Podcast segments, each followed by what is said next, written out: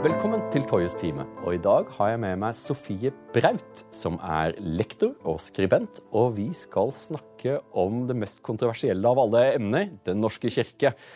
Sofie, eh, du er kristen i likhet med meg. Kan du snakke litt om eh, eh, hvordan du kom til kirken? Ja, jeg har jo den der lange linja i livet mitt da, som har vært knytta til kirka helt ifra jeg eh, Så lenge tilbake som jeg kan huske, egentlig. Det vore eh, kanskje det en kaller en aktiv kristen. Av og til blir det sagt personlig kristen. sånt noe. Eh, Trua har iallfall vært en viktig del av livet mitt, egentlig. Eh, ja, så lenge jeg kan huske. Og eh, absolutt ikke noe sånn produkt av noe sånn enormt sånn uttalt kristendomsformidling i heimen. sånn sett. Trua er stille kraft i livet til mor og far, og noe som virkelig bygde opp under hverdagen og ga eh, holdepunkter i livet. Og så eh, har jeg nok blitt sånn gradvis mer opptatt av eh, å liksom stille spørsmål og være engasjert og aktiv i kirka etter hvert, spesielt i, i voksen alder. Mm. Veldig morsomt at du sier det, for jeg har egentlig samme erfaring. at Jeg kommer ikke fra et, jeg vil ikke si at jeg kommer fra et veldig kristent hjem. Eh, ikke på noen måte eksemplariske kirkegjengere, eller noe sånt, men definitivt kristne. Eh, og, og, jeg må jo ærlig innrømme at jeg går ikke i kirken hver eneste søndag. Jeg går så ofte som jeg kan. Eh, men troen har, eh, har, blitt stadig mer viktig for meg, og jeg er veldig avklart i dette. Eh, og så har jeg jo jeg, eh, Og vi har jo diskutert dette tidligere, du og jeg. Eh, en, en frustrasjon over hvor Den norske kirken du ler, har, har endt opp. Men det er litt sånn morsomt også at liksom din, eh, din, din, livshistorie er også på, på enkelte måter liksom historien til Den norske kirke. For det, liksom, det er jo eh, eh Lytterne må også ta med seg at eh, Norge har vært et kristent land i, i 1000 år. Eh, og i 1000 år så har kirke og stat vært eh, to sider av samme sak. det er viktig å få med seg den biten at da norske uavhengigheten gikk tapt, så ble Kirken det som på mange måter holdt norske eh, nasjonen sammen. Eh, da Olav Engelbrektsson, den siste sentrale biskopen i Norge, ble tvunget til utlendighet, så var det det markerte tapet av vår selvstendighet. Og når Norge da gjenoppstår, så, så får man da statskirken med kongen som overhode. Og nesten alle som bodde i Norge, var, var medlemmer av, av statskirken. Eh, kirken eh, klarte seg jo ganske bra opp gjennom årene etter den kalde krigen. Eh, og så bryter det ut en gigantisk strid på 70-tallet om abortspørsmålet. Eh, som det tok lang tid å avklare, og det er vel knapt nok avklart en dag i dag. Eh, men så blir det et krav om at Kirken skal være mer, mer demokratisk. vi får fremveksten av Kirkemøtet, som opprettes i 1984. Og så spoler vi helt fram til nå i 2017, så blir kirke og stat delt. Og eh, mitt syn er vel det at eh, Kirken, i takt med at den liksom har forsøkt å appellere bredere og bli en folkekirke, har blitt stadig mer kontroversiell. Eh, Iallfall så er det eh, nevneverdige minoriteter som står utenfor og, og, og er eh, veldig skeptiske til der Kirken eh, har endt opp. Og vi, vi, så jo et sånt eksempel nå i påsken eh, som jeg tror opprørte mange. Det at en prest mot alle regler kler seg opp i, i geistlige gevanter og bærer et kors som hun har spikret fast døde dyr, og avbryter den viktigste gudstjenesten i året. Eh, ikledd av noen sånne kvasisataniske folk i noen sånne i, i, i røde, røde, klær og hvitkalkede ansikter, og de må hentes ut av politiet. Eh, og eh, hele greia var Det var Ja, jeg, jeg må innrømme det. Jeg ble, jeg ble støtt. Eh, og det, det, ser jeg at det er mange andre folk, Det er jo ikke sånn at folk blir liksom tar til, tar til gatene, men hva sier Kirken til dette? Ikke stort. Det er kanskje litt et produkt av det du sier med at Kirka har prøvd å appellere videre, men blir blir en slags aksjonist på et eller annet vis. Og dermed så åpnes det opp for at en kanskje kan gå inn sånn og bruke Charco til, til sånne type aksjoner òg. Eh, nå ble jo dette satt enormt på spissen, men, men handler, jeg, jeg, tenker litt sånn, det handler vel om en slags sånn sitter litt utenfra òg, selv om jeg absolutt ser det innenfra. En prøver å gjøre seg gjeldende, en prøver å være relevant. Det har jo vært liksom utover på 90-tallet og, og fram til nå. Så har jo det vært et slags mantra. Vi må liksom være relevante. Kirka må være relevante. Og, og da, blir det ofte vanskelig å si sånn som det du sier, at dette ble jeg faktisk støtt av. Da er en liksom altfor introvert og opptatt av rigide ritualer og den slags. ikke sant? Hvis en faktisk blir støtt av noe og mener at første påskedagsgudstjenesten den burde virkelig den burde på en måte føre sitt ordentlige skikk, og der burde en eh, virkelig feire Jesu oppstandelse og de kristnes viktigste dag i løpet av året. Eh, og så eh, er det kanskje en slags sånn avventende holdning internt i kirka òg. At OK, dette her må vi forholde oss til på en eller annen måte, men, men vi bør kanskje ikke si at vi blir støtt, for da er vi liksom så hårsåre eller et eller annet i den døren. Så. Det er interessant at du det. Det er jo en katolsk filosof som heter Leslek Kolakowski, som skrev, skrev, en bok som heter 'Revenge of the Sacred', der han skriver om viktigheten av å holde enkelte ting hellig for mennesker. Eh, og hvis vi ikke respekterer det hellige, og det helligste for oss som er kristne, eh, så vil, eh, så vil påskegudstjenesten være noen ting som er veldig høyt oppe på listen. Dette er et, et menneskets møte med, med miraklet og noe av det viktigste som skjer. Eh, dette her er begynnelsen på vår tro. Å avbryte dette pga. at du har en politisk sak som du syns er, er, svært viktig, eh, eh, for meg er det, er det støtende. Hvorfor denne fascinasjonen for politikk? For dette du sier relevans, men men ofte så har jo det vist seg, gitt seg utslag i mer og mindre velfunderte eh, politiske standpunkter tatt av høygeistlige eh, biskopene? Er et utrolig godt spørsmål. Det har jeg òg lurt veldig masse på. Hvorfor den fascinasjonen for politikk? Kanskje, altså Jeg tror jo en del av det er det jeg nettopp sa. Denne følelsen av at det er litt mer Da er en litt mer i eh, Svarer en litt mer på det spørsmålet som egentlig stilles av, eh, av, det offentlige på en eller annen måte. En slags usynlig kraft eller størrelse som en hele tiden føler en burde svare til. En burde stå på det torget og liksom virkelig vise at den er relevant. Det er Akkurat som en ikke har eh, ja, hva skal jeg si da? Det er akkurat som en ikke har tillit til at det å faktisk var den eneste institusjonen som inn, kan bringe enkeltmennesker i kontakt med det hellige. da. Eh, og, og, noe virkelig varig, og det evige, hvis en våger å ta sånne ord i, i, sin munn. Det er jo eh, det, det, er akkurat som Det er ikke nok. Så da ender en jo fort opp med en sånn sosialreformatorisk variant av kristendommen, da, syns jeg der en blir veldig opptatt av å svare på dagsaktuelle spørsmål. Eh, for da tenker en at den, det er måten å få eh, liksom folk til å føle at det er litt mer himmel på jord, tross alt, som er Den norske kirke sitt, sitt slagord. La oss si da at, eh, at, det er viktig at Kirken har svar på vår tids spørsmål. Jeg, jeg, jeg, jeg, mener at det er feil, eh, på grunn av at jeg mener at grunnen til at vi går i kirken, er fordi at vi møter spørsmål eh, som er knyttet til oss som mennesker. Eh, som er noe som er I det øyeblikket vi blir noe som hever oss over alt det som flagrer forbi oss i den snøstormen av informasjon. For vi er fanget i nåtiden, holder oss i en skrustikke.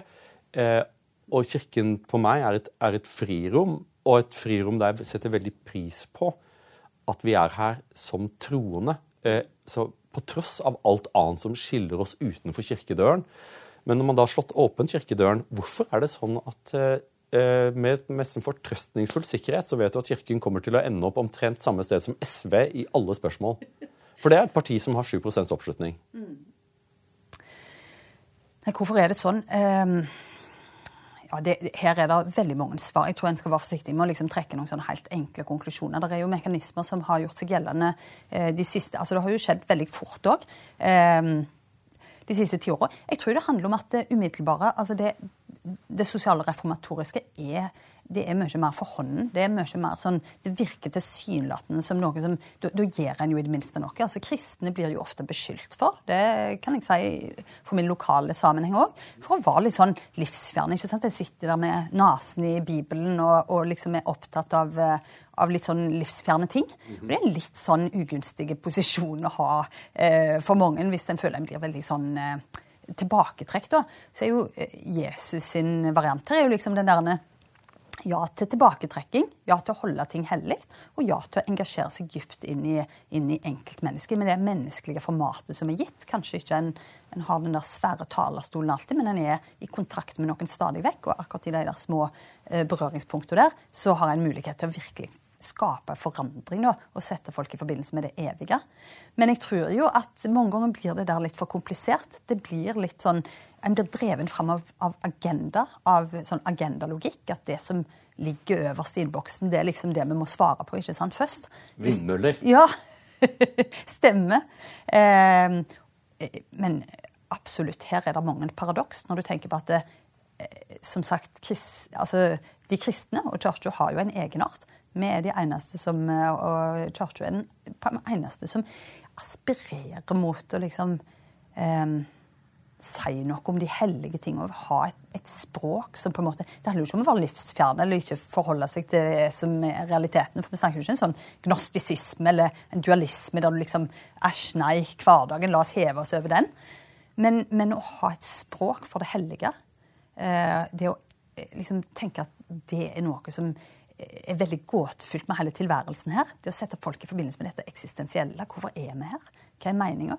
Eh, og så er det en egenart som en virkelig kunne hatt, og en kunne med utgangspunkt i Bibelen virkelig utforske de tingene der. Eh, men så ender en liksom opp med at nei, jeg må få gjort noe her. Og når en får gjort noe, da, da, er det liksom å svare på den siste problemstillingen først og fremst, med et synspunkt som ikke vekker altfor mye motstand og sånt. Og nå har en jo en sånn jeg vet det er jo en frase som brukes til det kjedsommelige, men en politisk korrekt eh, opinion som er ganske sterk her i Norge. Så selv om SV har hva du sa, 7 nå? Ja, ja. Rundt, rundt, der. Rundt der en plass, ja. ja. Så, så, føles det jo som at det er det som er det viktige i, i nyhetsbildet, liksom. Når en uh, ser sånn på det. Jeg tror så mange, Det er ganske mange enkle mekanismer bak de veldig mange, altså den utspillskristendommen som en har i Den norske kirke i dag. Ja, for det, det som undrer meg er at liksom, Hvorfor er man så opptatt av å referere til nyhetsbildet? Hvorfor ikke ja, hvorfor, de, hvorfor, i det minste ikke forsøke å forankre sine standpunkter i Bibelen? I, for dette, De raser jo nedover argumentasjonsrekka til et sånt generelt kjærlighetsbudskap eh, som fortolkes fritt. Eh, mens det å forankre Vanligvis ville du jo tenke at en teolog ville da ta seg bryet med å finne bibelsteden. Det er en kjempelang eksegesetradisjon innenfor, innenfor, innenfor, kristendommen for å forholde seg til spesifikke politiske spørsmål, men å gjøre det da på teologisk grunn. Men det har man sluttet helt med. Eh, her, her, her, lander man omtrent der, et sted der man synes er, er godt. Eh, og liksom, da blir det Jesus' sanne budskap er at grunnløse asylsøkere må forbli i Norge. Eh, uten at man liksom tar seg bryet med å forklare hvordan man kom fram til det punktet at, at, at det er det som eh, Jesus budskap, Jesu budskap er. Og jeg tenker på eh, hva er det egentlig som har skjedd med ledersjiktet i Den norske kirke? Nå var det et gledesstrålende reportasje i dag på NRK, for nå er det et flertall av kvinnelige biskoper. Hurra! Eh, hurra! Ikke sant? Eh, og, og, det virker som at hver gang det skal velges en ny biskop, så velger de den mest outrert venstrekandidaten som de kan finne. Eh, som de kan slippe unna med, i alle fall. Eh, og resultatet er at det, dette bispekollegiet synes ikke å reflektere Eh, de som faktisk går i kirken i Norge. For det, i min erfaring så eh, vi, vi, kommer jo begge to ut av en litt sånn vestnorsk eh, kristen, eh, kristen, tradisjon. og Kristne er mange ting, men ikke veike. Er, jeg, jeg, kommer ikke fra, fra, fra, fra, Vi kommer fra en kristen familie. Kan love at dette ikke er veike folk i det hele tatt. Og er ganske konservative og liksom eh, Mens liksom allting har endt opp til å bli en sånn immanent, sånn klissete eh, føleri eh, som, som, jeg tror byr mange imot. Hvordan kom vi dit? Utrolig, først og fremst må jeg bare si Det er veldig gode observasjoner. Og jeg, jeg tenker jo òg eh, eh, hvordan havner en der? Nei, en er, en er veldig i, i, takt med, med tidsånden på, på, mange måter. En, en velger å, å, profesjonalisere bisperollen til å bli en sånn toppjobb i et toppsjikt med topp lønn, om ikke akkurat topplønn, så iallfall veldig gode lønninger og en veldig sånn, eh, veldig sånn attraktiv jobb. kanskje mer enn en, altså i, i, den gamle urkirka så måtte en jo lete med, med lys og lykte altså, for å finne noen som ville være leder. Mm. For at en visste det intuitivt, at den som skulle være leder, måtte liksom bære de, de største byrdene av det lederskapet og ta det åndelige trøkket mest av alt. Eh, og i dag er jo hele bispeprosessen en enorm sånn innsalgsprosess, der en liksom skal finne den kandidaten som når breies. En snakker jo alltid om en bredde, og derfor er det veldig sånn paradoksalt interessant det du sier med at det egentlig blir det jo bare mer og mer like, mm. alle. For du skulle tro Hvis det var virkelig en bredde, sant, så hadde jeg òg en biskop som representerte meg, som eh, denne konservative minoriteten. Eller det er jo interessant, er det egentlig en minoritet? Altså, Hvordan ser det ut på, på grasrota? Det er jo jammen ikke lett å si i dag. Vi, vi sitter jo og, og, snakker med hverandre som to menige kristne. Det er jo ingen av oss som har, som har teologisk utdannelse eller aspirasjoner til å, til å være prester. men jeg forstår ikke helt hvordan hele denne prosessen fungerer med kirkemøte For vi har et, vi har et, vi har et valg. Du, vi, vi kan stemme. Mens det eneste som jeg er interessert i eh, på kandidatene, er kandidaten konservativ eller er, det, er kandidaten liberal? Og så vil jeg stemme på den konservative. Men det får du ikke vite. Du får bare en, en mengde med navn. Så du må liksom eh, Hele den valgprosessen er for meg svært, svært underlig. Ja, Det er jo ekstremt komplisert òg, jeg tror ikke jeg skal Jeg føler jo etter fire år som folkevalgt i Kirka, så lurer jeg egentlig litt på hvordan Iallfall med tanke på bispevalget i, i Stavanger forrige gang. Liksom, hvordan skjedde det?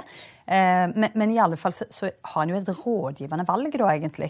Eh, på flere plan, der liksom de som er ansatt, har et valg, og, og, der folk får komme med innspill. Og det skal være mange omganger. fordi at en, eh, en er veldig opptatt av at dette skal være en demokratisk, veldig sånn breit forankra prosess. Og det som er jo interessant til sjuende og sist, er at, at en har da ganske nylige eksempler på at uansett hvor bredt forankra eh, og lokal tilslutning for det lokale demokratiet står ved, eller høyre, eh, blir sagt å stå veldig sterkt i Den norske kirka, så kan en liksom allikevel ende opp med at en god kandidat som har eh, feil teologi, blir, blir vraket, uansett hvor stor oppslutning en har i prosessen. For da er en tilbake til at det er jo tross alt bare en rådgivende Ja, for de hadde en en veldig sterk kandidat fra Karmøy som het Helge Gård. Eh, og han, valg, eh, han, ble anbefalt av biskopene. Han valgt, eh, vant det lokale valget, men han ble ikke biskop. Han ble ikke biskop. Og, og det interessante her er jo at, at eh, Helge Gård er jo heller ikke en, en super Altså, du når ikke så langt i en bispeprosess i Den norske kirke i dag hvis du er altså Hvis du er på en måte konservativ på den måten som f.eks. jeg er, mm. eh, som til og med kan, kan, akseptere prester som har et annet syn på kvinners prestetjeneste osv. Mm. Men, men eh, han var en moderat kandidat. Mm. Eh, veldig godt likt i lokalmiljøet. Eh, veldig godt altså Nådde fram i alle disse her ulike avstemningsprosessene osv. Men, men, eh, men svaret fra, fra Kirkerådet når de ansatte hans motkandidat, var jo at det er jo bare et rådgivende valg. Og de hadde andre beveggrunner for, for, sitt valg, da. For de valgte Annelise Odnøy, mm. for hun var villig til å vie homofile? For, for, de aller fleste av oss så hørtes det sånn ut, mm. ja. Mm. Eh, er ikke det litt Janne, underlig? For det, er, det, har vært en del sånne, sånne, prosesser at samtidig som at man liksom snakker om folkekirken, og, og her skal det demokrati inn, men hvis, eh, hvis, demokratiet peker mot en selv en ganske moderat konservativ kandidat, så da, da, da gjør de om på det.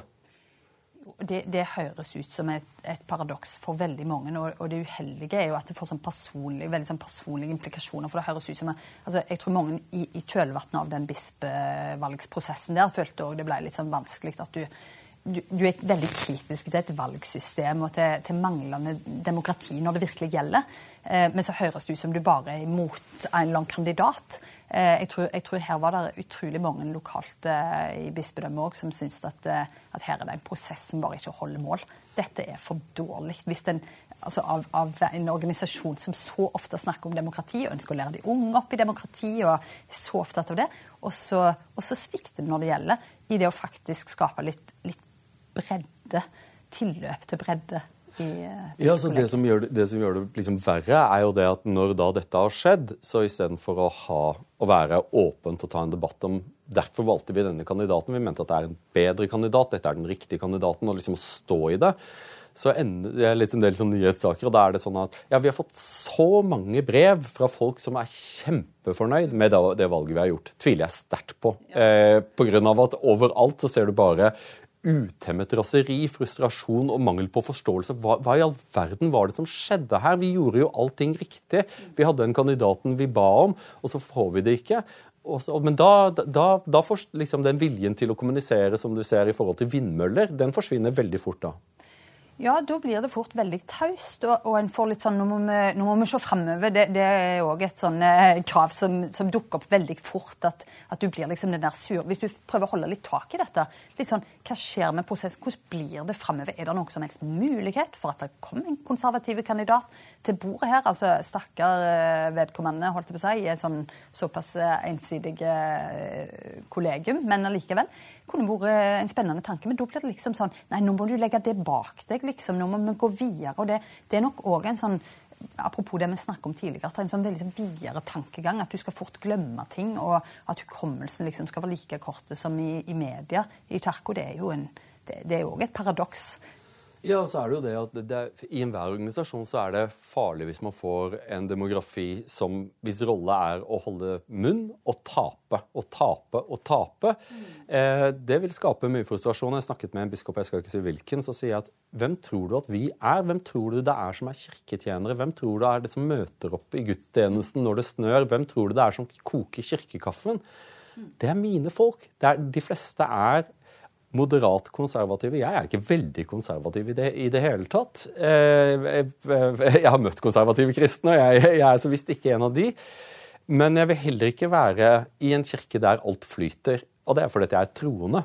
Eh, og eh, jeg, har, du, har du, inntrykk av at det er mange som er i, i denne kategorien? Du, du, er jo vestpå, så, som er jo, en, er jo, på mange måter en sånn, sånn konservativ bastion i Norge fremdeles. Ja, men det kan, det kan, jo godt være altså Jeg tenker at ting endrer seg utrolig fort for tida.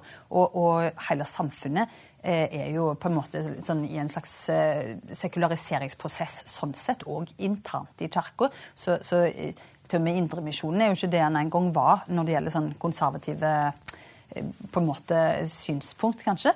Men, men jeg, jeg, tror jo at det er mange lokalt i, eh, i, i den norske kirka som, som virkelig på en måte lir under denne her mangelen på åndelig lederskap. Mangelen på eh, En sier på en måte f.eks. i ekteskapslæren ikke sant? at det er to syn, to, to bestestuer i, i et romslig hus. ikke sant? Eh, men, men, mange føler jo ikke akkurat at det er så, så greit. Altså, en har ikke noen eh, leder eh, i bispekollegiet f.eks. som modellerer at det er greit å ha et, eh, å ha et, altså, eh, et, konservativt syn i mange spørsmål. Og det handler jo selvfølgelig ikke bare om ekteskap. Det handler om, Du nevnte jo abort. Det handler om mange spørsmål. Eh, der en liksom kjenner seg litt sånn tynga av at det åndelige lederskapet er så opptatt av å stå samla, av å finne kompromiss og av liksom å, å slutte rekkene. Så det, det, som kunne vært frigjørende, var jo at du faktisk hadde en bredde i lederskapet. Der, ja, der er, der er ulike avskygninger og teologiske eh, standpunkt. Det, det, er nå bare noe en sier. Det er ingen som på en måte synliggjør det i, eh, i iallfall toppledelsen i Den norske kirke. Eh, vi har jo hatt en del, sånne, en del kontroverser. Det var en, eh, en musiker som het Torji, som, tok, som hadde homofil sex på alteret i en musikkvideo. Og Da går biskopen ut, og så istedenfor å begrunne sin harme religiøst, så, så, begynner han å finlese kontrakten for leieforholdet. Det er liksom at, at, er, at noen har brutt en eller annen administrativ kontrakt. Og det er det som er problemet her, ikke det at, at denne fyren har tatt seg til rette i vårt hellige rom. Mm, mm. Eh, og det er jo samme som eh, liksom når de går ut og, og skal eh, ha sterke meninger om, om oljeboring i, i Lofoten. Så de, de, synes ikke å forstå at de er så langt utenfor reservatet. De er innenfor det Stortinget driver på med. Der politikken handler om å avstemme svært vanskelig ofte liksom, Du må ha god faglig innsikt for å forstå hvor grensene skal gå. Det å ture inn i politikken med et godt hjerte og, og sterke meninger, det kommer ingenting godt ut av det. Men de gjør det allikevel. hva, hva, hvilke behov har vi for en kirke uten gudstro? Det lurer jeg. Nei, Det er jo et veldig godt spørsmål. Det er jo egentlig det spørsmålet som som en på en måte står litt igjen med. Altså, Hva er det vi har hva er det vi har kirka til? Altså, sånn, sånn, sett, Selv om kirka og staten nå er, er, er, på en måte delt og, og, alt dette her, så har en jo fremdeles en fungerende altså Den folkekirka vi har nå, er jo ikke så helt ulik den, den kirka en hadde tidligere. ikke sant? Og hvis, hvis biskopene egentlig på altså de, de, har jo en sånn veldig interessant rolle. altså de, de eh, har lov til å mene og synes seg vei, tilsynelatende uten å være forplikta på noe spesielt. Altså, eh, bare se for deg en statsminister som på en måte kunne, eh, kunne komme med forskjellige synspunkter. Aldri ble dratt inn i Politisk kvarter der Håvard Grønli eller noen andre liksom stiller han til veggs og bare 'du sa det og det', og hva leverer du her? Altså, det er ingen som kjenner Bibelen, eller altså, hadde drømt om å spørre biskopene ja, kan, altså, hva, hvordan har du forankra dette synspunktet ditt i, i, Bibelen, eller i teologien, eller i tradisjonen, eller noe sånt. Så, så biskopene er jo egentlig en sånn elite som aldri får noen sånne type kritiske spørsmål. For den kunnskapen eksisterer kanskje ikke til å kunne stille den type kritiske spørsmål. Så de er jo et ledersjikt som jeg mener er er en helt sånn spesiell rolle som noen etter hvert burde virkelig se litt mer kritisk på.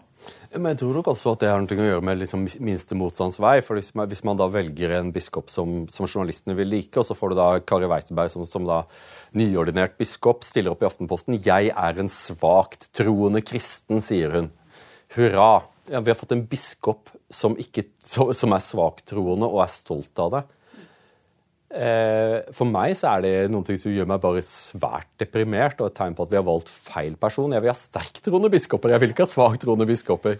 Nei, og det er jo interessant det med at, eh, at, det blir på en måte en slags sånn eh, altså i, Når biskopen i, i, Trondheim eh, eller i Nidaros da ble, ble valgt for en tid tilbake, Herborg Finse, så var det jo liksom, da var det jo veldig adresse med liksom, Det var den første skilte biskopen. Og, og så har du seinere hatt sånn som nå i Borg, ikke sant? Med serverer den nye biskopen i Borg som serverer en veldig radikal eh, og ikke-empirisk forståelse av kjønn.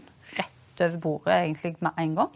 Eh, helt uten egentlig noen sånn teologisk betraktning eller noe sånt inni bildet. Det forventes kanskje ikke. Det er, det er kanskje ikke Altså, det er et uh, kan, ja, en, en, har kort hukommelse. En, en tenker kanskje ikke at det skal være en slags sånn friksjon fra kirka som skal virke inn på samfunnet. Så kanskje en bare en har sluttet å forvente noe spesielt av dem. De skal bare gå i ett med tapetet og servere litt eh, dryss av religiøsitet og noen eh, ritualer over hverdagen vår. Ja, kanskje ikke.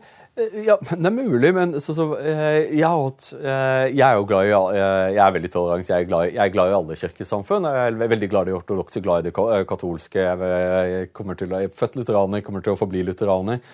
Men så, så jeg var i Venezuela og var heldig nok til å møte en fem-seks av biskopene deres. og alle samtalene endte og begynte i Bibelen. Det er at vi satt, vi, at vi satt, og, vi satt og lobbet bibelvers på hverandre. Eh, og, hadde, og, fant sammen, og fant sammen i troen noen ting som eh, Jeg var der i humanitært øyemed. Eh, og det at vi, den felles troen gjorde alt dette mye, mye lettere. Eh, Pga. at vi har den samme hellige teksten. ikke sant? Og jeg er jo ikke så bevandret som det. men og, Jeg ble jo veldig imponert over for dette en, en biskop i den katolske kirke i Venezuela kan Bibelen på rams. ikke sant? Eh, mens eh, min erfaring med norske biskoper er egentlig det stikk motsatte. At ofte at jeg opplever at jeg kan Bibelen bedre enn dem. Og det er jo ikke sånn at jeg liksom sitter hjemme med nesa i Bibelen. Eh, men jeg, jeg, leser Bibelen, for jeg er kristen. Eh, og, det, og, og, gjennom et år så leser jeg ganske mye av den, kanskje, til og med. for jeg, mens, hva, hva, hvordan ble det slik at vi fikk så mye kompetanse på, på kjønn og vindmøller, og så lite kompetanse på Bibelen blant bispe, bispene? Jeg, jo, jeg, føler jo egentlig når du sier dette, at jeg ikke er helt i, i posisjon til å si noe om bibel, eh, bibelkunnskapen til biskopene. For det, det, kan godt hende at den er, er, i sin tradisjon veldig sånn uh, At de virker jo veldig beleste og, og, tunge på vekttall og alt dette her, da. Eller studiepoeng, muligens de yngste. Men eh, jeg, jeg, tenker jo litt sånn at Eh, at bare det å ha et sånn levende altså det, det, er jo nydelig det du sier fra Venezuela. da, At du sitter der med noen av dine åndelige, eller noen åndelige ledere ikke sant, som på en måte utfordrer deg, og som bringer inn dette i samtalen, som er de som går føre deg. sant, I et lederskap som, som du på en måte òg, som en utrolig beleste personer kan se opp til og, og, få noen nye innsikter av. Og det det er, jo sånn jeg skulle ønske det var, i stedet for at, eh, at Bibelen på en måte blir parkert litt på sidelinja.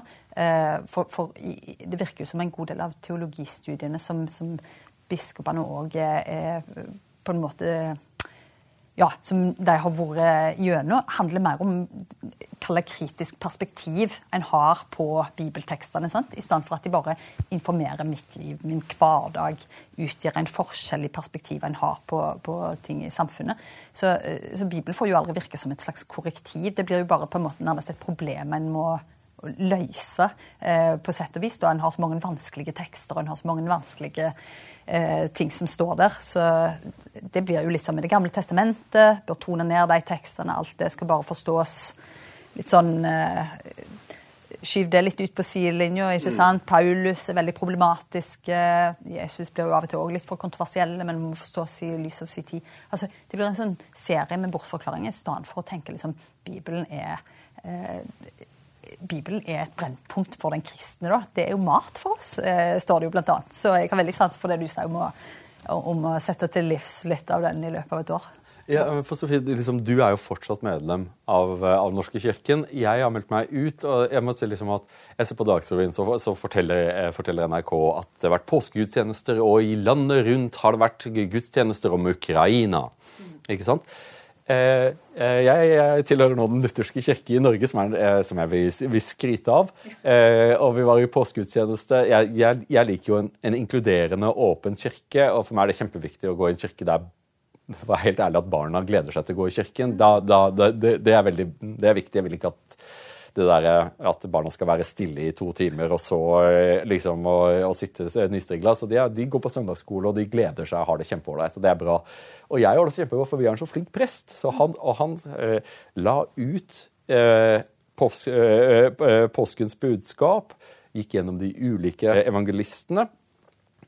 Og, og, og forsøker å forklare hva, hva, er det, hva, er det, som skjer her. ikke sant?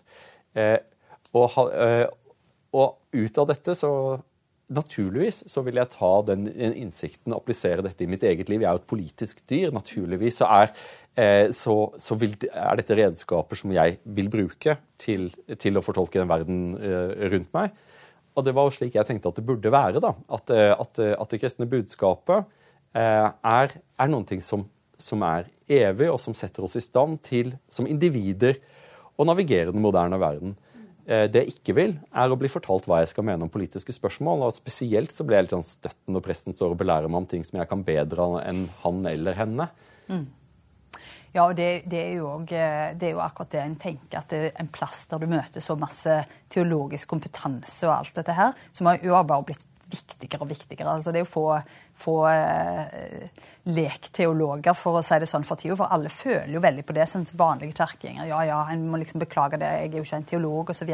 Men trua skulle jo på en måte angå livet. Det var jo litt sånn eh, altså Jesus sier jo sånn The kingdom is at hand. Det er jo noe som er midt iblant dere. Sånn, Guds rike det var jo noe som skulle gå ut til folket. Det som er interessant i denne sammenhengen her, det er jo det at eh, det som var veldig spesielt med de første kristne forkynnerne rundt forbi, det som det vekte oppsikt med dem, var jo det at folk ble veldig forundra. Fordi det står i apostelgjerningen at de var jo bare ulærde menn av folket. Det var jo de som stilte seg fram. Så hele greia var jo liksom at det var noe annet med dette enn å bare liksom stille seg fram og være en folketaler. og alt sånt. Altså, Det er, er kraft i det.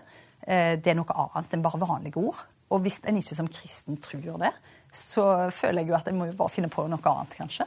Ja, og så er det jo det som er så fascinerende med, med, med påskens budskap. Jeg, jeg, jeg syns det er like fantastisk å, å ha en prest som, som, bruker all sin tid på å fortelle om Forestill deg ikke sant? At, eh, at du, har, du, du, du, har, fulgt en profet, eh, og så blir han drept. På den mest ydmykende som en, som en kriminell blir han spikret opp på et kors. Tenk hvor demoralisert du er etter dette. Og så, eh, og så kommer kvinnene og finner at graven er tom. Mm. Og de får møte han, alle sammen. ikke sant? Mm. Eh, og, og, og, deres testament ligger at de aller fleste blir jo drept for sin tro. De går ut og forkynner denne troen. og liksom, altså, Som mennesker, Ethvert menneske vil forstå det at eh, ingen går i døden for en spøk eller for en misforståelse. Eh, og ikke en masse.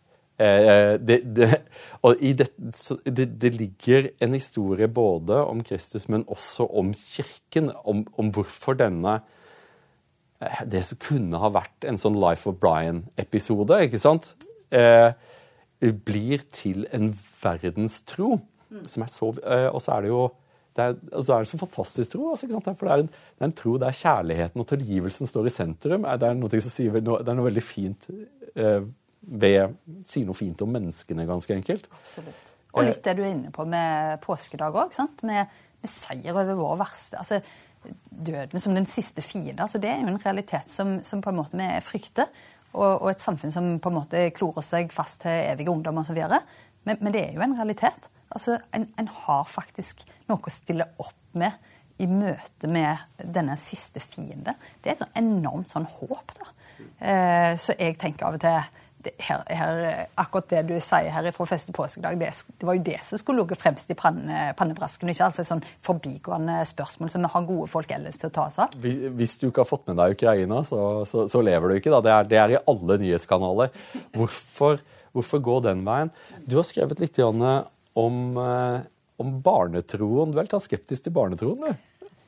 Uff, det er sikkert et av mine mer eh, sånn, uh, upopulære synspunkter. Men, men ja, jeg, jeg, er litt opptatt av det der med kunnskap. Altså, hvis den altså, tru, Det er et av de få feltene der liksom kunnskapen på en måte bare skal, skal kobles ut. Og, og, eh, Det er kanskje ikke sånn tilfelle for alle, men i Norge er det iallfall veldig sånn, i fall den folkekirketanken eh, om at du er døpt, eh, og har en slags, ei eller annen slags barnetro, så er det, det er bra, liksom.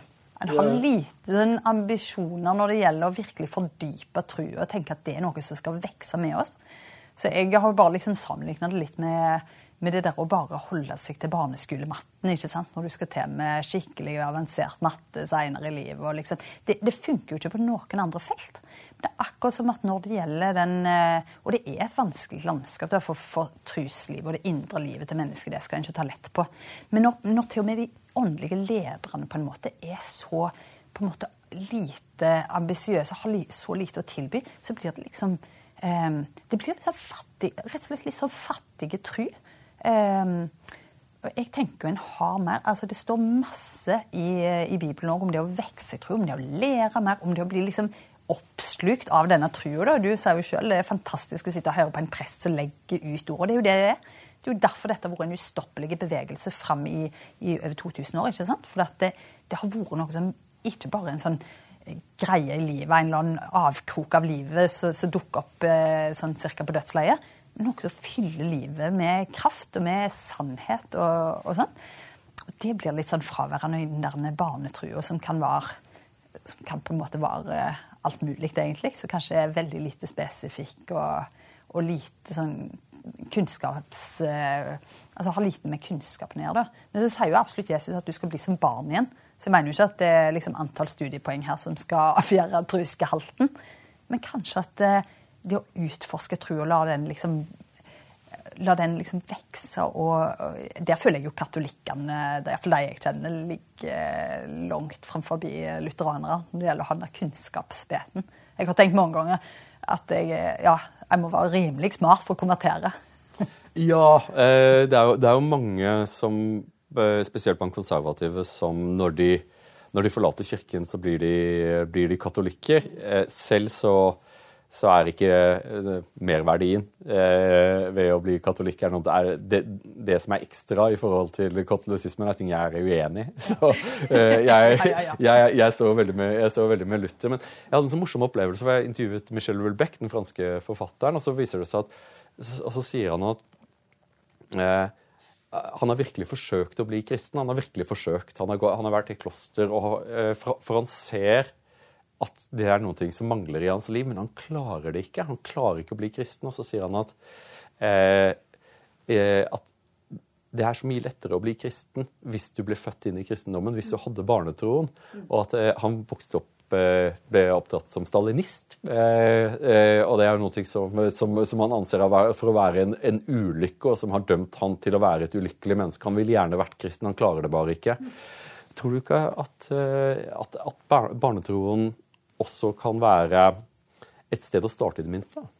det er absolutt en plass å starte. Og jeg, jeg kjenner jo litt på det òg, at når du henter fram igjen dette her med barnetro, så er det jo, det er jo litt sånn eh, Det òg er jo på en måte en liten sånn agg mot, eh, mot Den norske kirka. Bare på en måte gi litt lite sånn vekst utover det å, å bli værende med, med ei barnetro. da. For jeg tror absolutt det er en plass å starte. Og jeg tror det er plassen å starte. Og jeg skulle bare ønske at uh, Welbeck og andre bare eh, kunne finne i seg noen sånne spor av barnetro. Og sånn sett så kan det jo virkelig være en, en time til noe mer. Men jeg syns liksom at når de åndelige lederne eh, kanskje i liten grad virker til å ha eh, ha en sånn voksentro, altså spesielt for oss som kanskje da har den fordelen å bli født inn i den sammenhengen.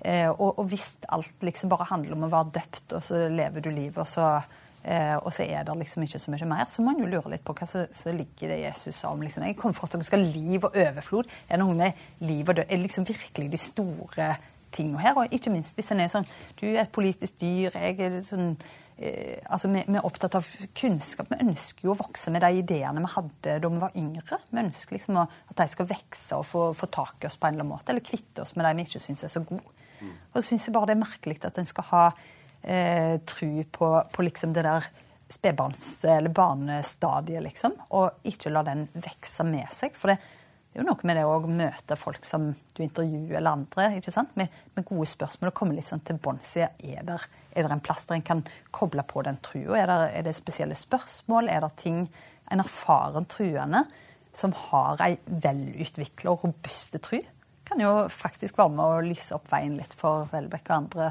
som, som prøver. da. Han hørtes ut som han virkelig hadde prøvd uh... det, det, skal, det, skal, han ha. at Han, han, har, virkelig, han har, virkelig, prøvd. Jeg tror at det springer liksom ut av en, en innsikt eh, som, som, er også viktig for meg, er at eh, kristendommen er, er, en motgangsreligion på mange måter. Mm. Eh, den Kristendommen har veldig mange, mye å si til mennesker som har det tøft.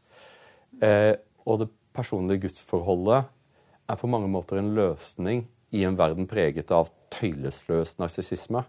For narsissisme er fantastisk når det går bra for deg. Narsissisme er ødeleggende når det går dårlig. Eh, for da blir, du, da blir du, sittende igjen med, med, med, spørsmålet Hvorfor er jeg ikke lykkelig? Jeg som har gjort allting riktig. Jeg, jeg, jeg. Eh, mens eh, i møte med Gud så er vi små. Og dette er ikke ikke et transaksjonelt relasjon om at jeg skal tro hvis du gir meg en ny bil, ikke sant? og Lord will give me a, Mercedes-Benz. Hørte nettopp om en, om en eldre mann også i Stavanger som eh, har blitt eh, dypt troende og har blitt veldig syk. Og så, og så var et familiemedlem hos han, og så, eh, og så ba de om at de skulle be sammen. Og så sier han at de skal ikke be for at jeg skal helbredes. Mm for, for å, la, la, oss be for at jeg skal ha styrke til å tåle dette. Mm. Eh, og det er et liksom dette er, Her har du da frukten av mm. dyp tro.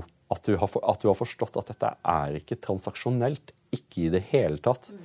Det du får, er langt dypere og langt viktigere. Og det, det som frustrerer meg med hvor Kirken har gått, er at jeg opplever at ja, ja, greit greit. Eh, identitetspolitikk og kjønnspolitikk og klima og, eh, og, olje greit.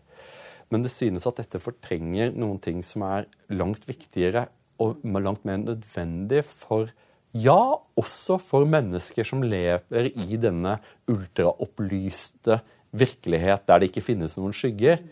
Eh, for det er jo liksom, Ta, ta Karl Ove Knønsgaard. Han skriver seks bind. Men spørsmålet hans er Hvorfor er jeg ikke lykkeligere? Hvorfor eh, liksom Jeg har jo gjort allting riktig. Jeg, forsøkt, jeg, forsøker så godt jeg kan. Jeg forsøker å være en god ektemann og en god forfatter og en god far. Og ja, jeg hadde en forferdelig barndom, men liksom Men hvorfor funker ikke dette her bedre for meg? Eh, og, og jeg, Det er nesten som man får lyst til å gripe han, fra, gripe han i jappeslaget. Fordi det er tro! Du trenger tro, ikke sant? Eh, og da vil jeg gjerne at, at liksom når biskopen sier ja, jeg er en svaktroende Nei, jeg vil ikke ha en svaktroende biskop. Jeg vil ha en biskop som er troende. og det er liksom, jeg, jo, jeg var jo også liksom en stund i den der eh, jeg, plausible deniability. Jeg tror på noe. Jeg liksom så det at jeg kan være ateist hvis, eh, hvis, hvis det passer best. Liksom. Men, mens nå er jeg bare bekjennende troende eh, og, og, nyter religionsfriheten. Eh, jeg er ikke noe sånn veldig evangel... Jeg går ikke rundt og, liksom, og, og forsøker andre, overbevise andre om å, om å, bli kristne, men jeg, jeg er vel ganske trygg, trygg, der jeg står.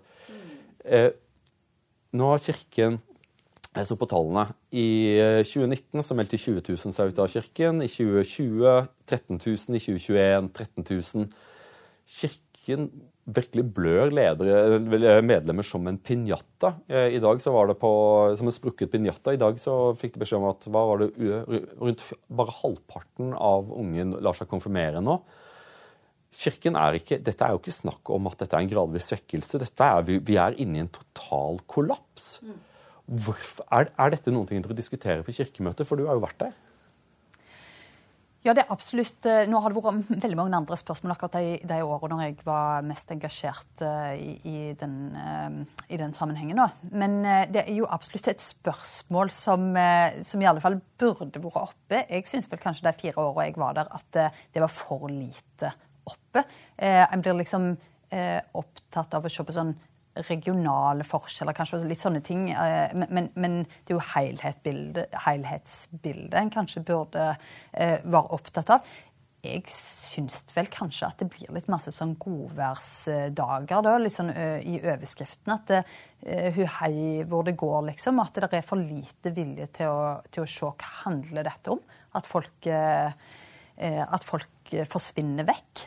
Ehm, hva dreier det seg om? Eh, og kanskje òg svaret, eller kuren, i den grad en har villet gjøre noe med det, har blitt feil. For det har jo nettopp blitt det som vi har snakket om her, at en prøver å gjøre seg spiselig. En prøver å være eh, komme med utspill som, som, viser relevans og viser liksom, kontaktpunkt med det, eh, det er viktig, det en oppfatter, da, eller noen i kirka oppfatter som de viktige spørsmålene i dag. Og en ender opp med kanskje å imitere eh, den politiske debatten bare alltid litt på etterskudd, som, som det ofte blir påpekt. Eh, en kommer diltende litt etter. Eh, så, så, jeg tror jo jeg tror det er akkurat det vi snakker om her, at en ikke eh, i kirka er nok eh, opptatt av det som virkelig er eh, sin egenart, det som virkelig er det store. Eh, og, og selvsagt vanskelig, det er en stor utfordring å kommunisere det inn i synlighetssamfunnet. ikke sant? At eh, det usynlige Vi har ikke det synlige for øye, sier jo Paulus, men det usynlige. Og det er jo en formidabel oppgave. Å, å stå på det i, i, samfunnet sånn som det er i dag. Så det er jo ikke rart det blir en fristelse å liksom hive seg i gang med å, å prøve å bedre på noen ting en oppfatter som negativt i samfunnet. Men, men det virker bare ikke. Og det, det, der er jo tallenes tale ganske tydelige. Så, så en er ikke nok opptatt av det, tror jeg. Men uh, samtidig, når en blir opptatt av det, så tenker en at vi må bare være enda mer relevante. Og vi må snakke enda mer uh, inn i, i liksom den aktuelle samfunnsdebatten, eller hva det er for noe.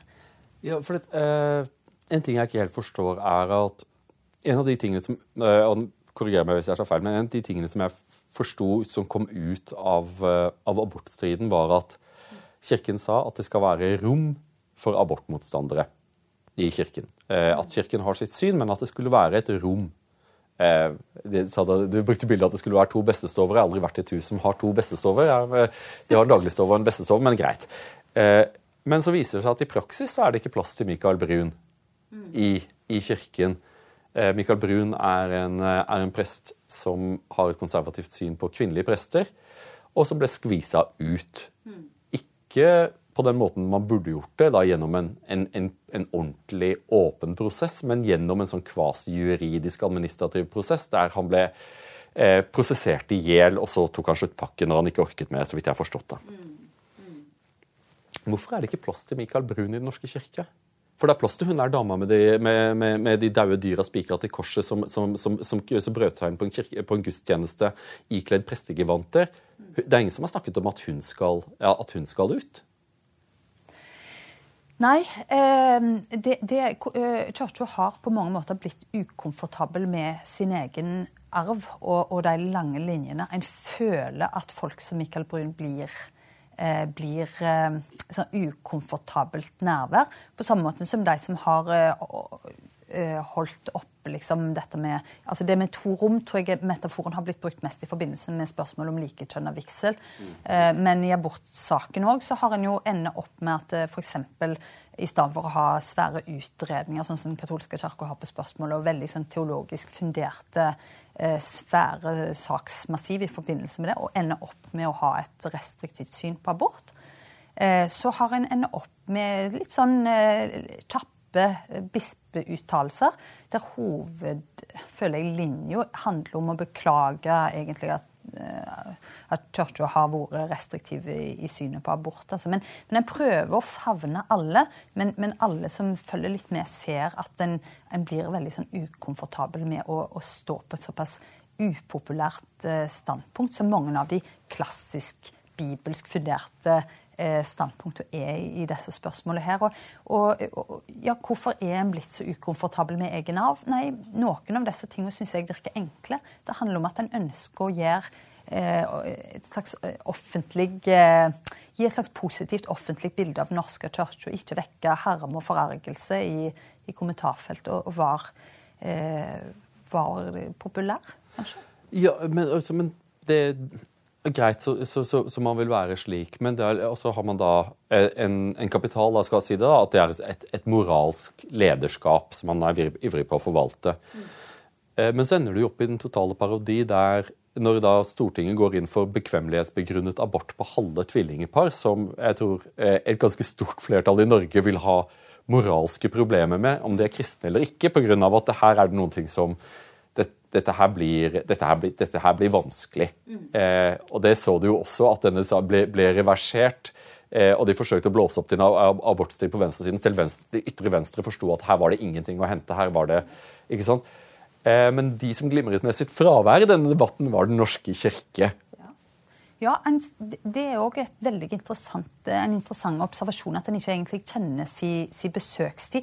Jeg tror, jeg tror det er òg eh, liksom en, en, en forsiktighetsryggmargsrefleks. Eh, eh, at en, en, bør ikke gå inn i En må, må ikke bli en sånn, eh, en sånn eh, typisk sånn moralsk pekefinger, liksom, for det har på en eller annen måte kirka vært så, så alf, i altfor stor grad.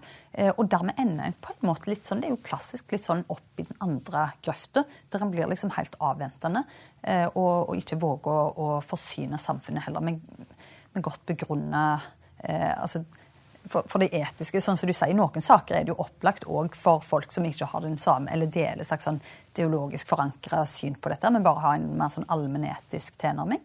Eh, men, men en, en, våger ikke helt å komme inn med, med, teologien der heller. Hvorfor ikke? Kanskje fordi at en føler at det er litt for En er liksom ukomfortabel med det. Jeg, jeg, jeg føler at en er liksom barn av det samfunnet som sier at trua skal privatiseres. Trua bør henge liksom i, i et eller annet skap eh, innerst i, i huset og ikke tas fram eh, så altfor ofte. Og i alle fall ikke på den offentlige arena.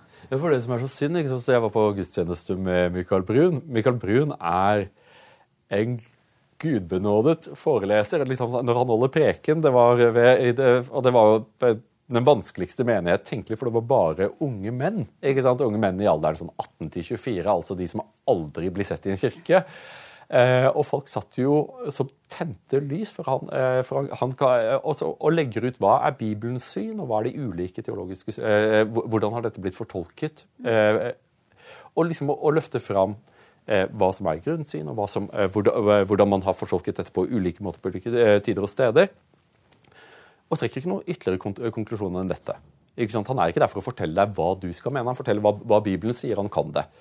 Folk bør for øvrig ta og sjekke ut eh, noen av Michael Bruns prekener hvis de vil. For Michael Brun Eh, igjen, jeg, jeg vet hvordan, hvordan, ordentlig konservative høres ut. og Michael Brun er ikke noe særlig konservativ. Han er ikke noe særlig mer konservativ enn meg. Eh, men det var ikke plass til han. Hvordan kan de liksom nekte seg den type talenter? Det er det som undrer meg. For Jeg hadde sånn, et kjempehyggelig øyeblikk i eh, Jeg ble invitert ned til Ribe av de konservative prestene i Danmark. Og i Danmark så er det mange konservative prester. Det var så mye tweed at uh, Og liksom var superbeleste alle sammen. Og så forteller de at i Danmark så fører de jo statistikk. Eh, for i Danmark så er det slik at presten avgjør eh, det teologiske fundamentet i menigheten. Så det, det, det er, presten styrer i sin menighet. Og så har de statistikk om hvor er det folk går mest i kirken. Jo, det er helt entydig. Jo mer konservativ presten er, jo mer folk er i kirken, og jo mer venstreliberal presten er, jo mer tom er kirken. Eh, hvorfor har de ikke klart liksom å, å, legge sammen to og to og forstått at eh, For det er verken du eller jeg ville vel si at eh, Kirken må nå bli konservativ. Det, skal ikke være rom for noe annet enn vårt syn. Det som frustrerer meg, i alle fall, er at det ikke er rom for mitt syn. Eh, som jeg synes er ganske, liksom, det er ganske moderat sammenlignet med alle andre kirkesamfunn i verden. Eh, så hvorfor skal vi være så langt til venstre at, at, at, at man ikke favner ganske mainstream-kristne? Mm. Nei, det er jo igjen, Jeg lurer på om vi bør liksom, i forhold til Danmark i forhold til England også, som har dette systemet som Flying Bishops Der òg har en jo liksom innenfor den anglikanske kirka tillatt liksom ulike, uh, ulike teologi, ulike menigheter osv. i et litt sånn annet system. da. Men, men uh, i Norge har en vel liksom fått denne her uh, hva skal jeg si, sosialdemokratiske pakken. da, At det har blitt litt sånn at det er ikke bra å ha eh, skiller, at det skal være litt likt. sant? Men så blir det òg veldig sånn paradoksalt. for en har fått Ta for eksempel, en sånn gudstjenestereform her for noen år siden, der hver menighet skulle sitte på veldig lokalt plan og finne liksom sin eh, liturgi, sine melodier. De skulle liksom skreddersy på en måte sin eh, liturgi. da, eh, For det, det, handler om lokal forankring, var det store slagordet i den tida. Og, og hva skjedde? Jo, det, det ble liksom så det, Da forvitrer jo liksom den der følelsen at du kommer inn i ei kirke hvor som helst i landet, og så føler du å ja, her er dette mine folk, her kan jeg stemme i. liksom. Mm. For du, du, har ulike melodier på de forskjellige liturgiske ledd overalt. Og det er jo litt sånn det er veldig merkelig, da, for der har en veldig, var, var en da plutselig veldig opptatt av å ha denne her lokale tilpasning. Men når det gjelder teologi, så vil en uniformere. En vil liksom at det skal være felles. Og det går jo helt opp til, til bispemøtet, da. Eh, at f.eks. i saken om, om likekjønna vigsel, der jo bispemøtet på den tida representerte jo ulike syn om det var eh, grunnlag for teologisk å, eh, å akseptere på en måte likekjønna vigsel, mm. så, eh, så, gikk en altså på den her Vi må komme fram til et kompromiss. Alle må stå for det samme. Så det er på en måte en metodikk i Den norske kirka å si at vi må i teologiske spørsmål så må vi på en måte ha, ha det likt.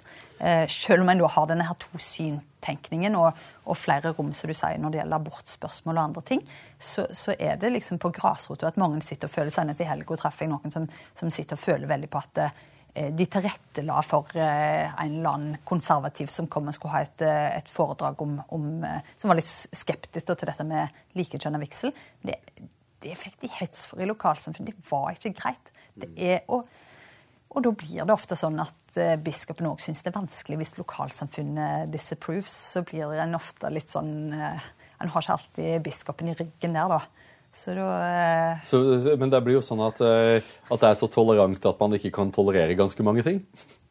På en måte. Det er vel kanskje et av de store paradoksene. Ja. For det vært også morsomt. I Norge så snakker vi mye om svenske tilstander. Eh, eller liksom at Man bruker ofte Sverige som et negativt eksempel på hvor vi ikke skal i innvandringsspørsmålet. Men det som jeg synes var interessant var i Danmark, så er jo Norge er jo skrekkeksempelet for danske kristne. Dit må vi ikke, og disse konservative prestene, som alle sammen eh, alle sammen har fulle kirker på søndager, og alle sammen tar sin tro på stort alvor og, og kommer sammen og, og, diskuterer teologi på, på, et nivå som går langt over hodet på meg. Eh, og, det de, liksom, og, det de, har satt inn de, liksom for å hindre kirkemøtet De skal ikke ha, eh, de skal ikke ha noe, eh, noe, noe, kirkemøte eller noe demokratisk kirkemøte pga. at de har sett på Norge. og det er liksom, I toleransens navn vil man da kvitte seg med alle konservative prester ganske fort. Så de kjemper jo for sitt liv. ikke sant?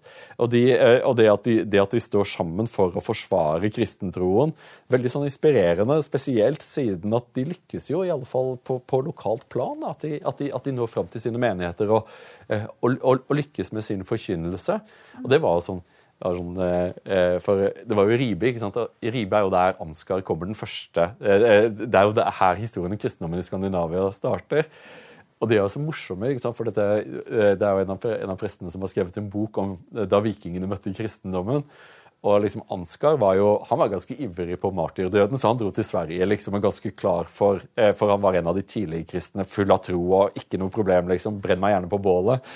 Men så er det det at en del av de folka som reiste sammen han, var, var, var, litt, var, ikke så sikre på om de hadde lyst til å dø, for vikingene var så kjipe. ikke sant? Så det var ikke, Du fikk ikke en grei og kvikk død. De kom jo til å pine deg i hjel. Uh, han, han, holdt et foredrag Folk lå jo For vi er jo mennesker. Det er jo, det er jo, det er jo hylende morsomt på en Monty Python-aktig måte, selv om, selv om det er dypt alvorlig. Og liksom det, altså, jeg syns bare at det var så fantastisk å være liksom, i, et, i, et, rom der det var så mye humor og glede. og Det er liksom frilynt, men samtidig med en sterk tro i kjernen. tenkte jeg liksom, Det var jo sånn det skulle være, liksom. Hva, hva, hva, skjedde? For liksom, når jeg går i min lokale kirke, så eh, går jeg veldig ofte derfra ganske sånn irritert. og liksom, At jeg sitter og biter meg i tunga, og så, så kommer jeg meg ut så fort som mulig. liksom. Da det, det var blitt, blitt, forelest om skatterater eller om, eh, om, homofili eller om det siste utenrikspolitiske forferdelsen. liksom? Ja, igjen, jeg tror jo en finner gleden i det, det dypt teologiske. altså Litt av det som du er inne på her. Det at en faktisk eh, Det å ta sin tro på alvor, det er jo i hvert fall å gå inn i det rommet der ting er, er Altså den annerledesheten. Jeg på å si, Det er jo noen sånn opplagte paralleller til det med liksom dikt og litteratur. ikke sant? Sånn at En tar liksom steget over inn i et litt sånn annet rom, som på alle mulige måter har veldig masse med vårt hverdagsrom å gjøre òg. Men, men liksom, du, du, er allikevel et annet sted og en annen plass. Der, der, det er andre sammenhenger som trer fram, og du gir liksom deg sjøl muligheten til å koble på eh, det eksistensielle spørsmålet på en annen måte, og bare slippe dem til. Ja. Eh, og så blir en jo ikke livsfjern, sant? for det er jo den der stadige dynamikken mellom tilbaketrekning Eh, og, og, og, det å komme igjen inn i da, hverdagslivet og være i berøring med alt det som omgir oss hele tida. Men, men, jeg tror jo den dynamikken der er jo noe av det som virkelig gjør kristentrua til noe som ikke bare er sånn bokgreie, men, men virkelig i kraft. da. Noe som forandrer liv. Og, ja. ja, men som også, som også gjør liksom, mulig for mennesker å møtes. Liksom, ta, liksom, Tom Christiansen, som, eh, som, jeg er eh, Vi er helt ærlige om at vi er uenige om veldig, veldig mye. Jeg eh, elsker å prate med Tom Christiansen, men vi møtes jo i troen. Og det er jo det som liksom det at vi, at vi, vi møtes et sted der vi, der vi, står sammen. Og det gjør det mulig for oss å ha en, en tillitsfull diskusjon om veldig kontroversielle emner der du skal ha ganske ålreit med tillit for at du er redd, du er redd for at allting som er kontroversielt, er farlig nå. Vi lever i en kanselleringens tid. ikke sant? Eh, og liksom det som en, sånn, en løsning Jeg er redd for Hvor tror du at vi kommer til å gå? For det, nå er det jo slik at eh, antallet kristne i Norge er i, er i fritt fall. Eh, og hvis vi trekker en rett linje Eh, på, eh, på, dette, så kan man med, ganske, med matematisk presisjon finne ut når den siste, siste, kristne i Norge kommer til å dø. Eh, eller så kommer han til å bli redusert til 33,3. eh, tror du at er det, er det, slik kristendommen kommer til å få gå i Norge? Som et, som et langtrukket klynk? I en orgie av innsamlingsbøsser og klimaengasjement? Hm. Jeg er jo mer håpfull enn som så, da. Jeg tror jo at uh, altså, Situasjonen du beskriver, kan kanskje være litt sånn Den norske kirkes uh, gradvise utfasing som et livskraftig prosjekt. Men jeg tror jo at, at den kristne kirka, forstått i noen videre forstand, har en levedyktighet som, som som historien òg viser. Altså, plutselig så skjer det noe. Plutselig så blir folk mer opptatt av det eksistensielle. Sant? Det merker jo bare nå i krigstid. Altså, plutselig blir folk mer altså, De, de eksistensielle spørsmålene skyves opp på en måte som, som vi bare i vår velstand så liksom eh, Du nevnte jo sånn, en sånn narsissistiske kultur ja. ikke har hatt høyt på agendaen på årevis. ikke sant? Men plutselig så skjer det ting, og så endres litt de tingene der. Men jeg tror jo at, at en eh, at det, ja, den, eh, det, det, er masse undersøkelser på det. 'Liberal churches are dying' var overskriften på en av de. Og det er klart det er en sånn, sånn er det når, det når det ikke står noe på spill. Eh, når det ikke er noe du risikerer egentlig med trua. Når det ikke liksom tru handler om Du har nevnt her tidligere altså kristne som risikerer utrolig masse. altså Folk blir drept for trua si. Det blir det jo i verden i dag òg. Kristne rundt forbi verden opplever jo enorm forfølgelse. Det er jo noe vi hører lite om her i, i nyhetsbildet her til lands, da, men det er jo realiteten. Men det er jo de plassene der at en har den type motstand, at det merkelig nok er mest livskraftig. For der står alt på spill. Eh, og da, da, blir det plutselig den fremste sannheten en har, og ikke bare den som får en til å møtes, sånn som du sier med Trond Kristiansen, men, men der en, en deler fundamentale sannheter og står i lag om dem. Det er enorme kraft i det, da, som virker jo helt paradoksal. Og fra vår velstandsboble så skulle en jo tro at en åh, hallo, en må jo bare velge en annen utvei enn å stå på den der eh, trua der. Men det det er en annen logikk som dominerer i de plassene i verden i dag der kirka virkelig går fram og er livskraftige. Det er òg de plassene der, eh, der eh, forfølgelsen er hardest. Og så har vi fått en litt sånn eh, litt sånn like, altså til med Lederne virker jo litt likegyldige, ikke sant? på sett og vis. Eh, en, en, har liksom, en kommer fra en annen plass nå der vi har hatt det veldig godt, og der ting har vært stabilt. Men når ting drar seg til, så endrer bildet seg, tror jeg, når det gjelder kristen tro òg. Ja, men det, eh, hvis ting drar seg til, da eh, Jeg, jeg, jeg tror du har mye rett i det.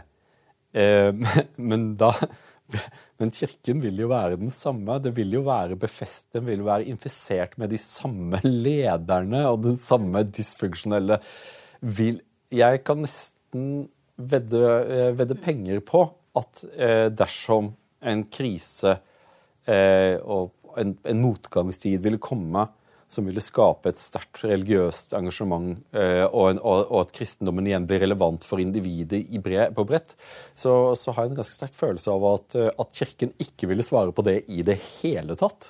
Nei, jeg tror du har rett i det, men jeg tror at fornyelse altså igjen, Kirka forstått som en videre eh, en videre plass enn Kirken den norske, for å si det sånn. Da.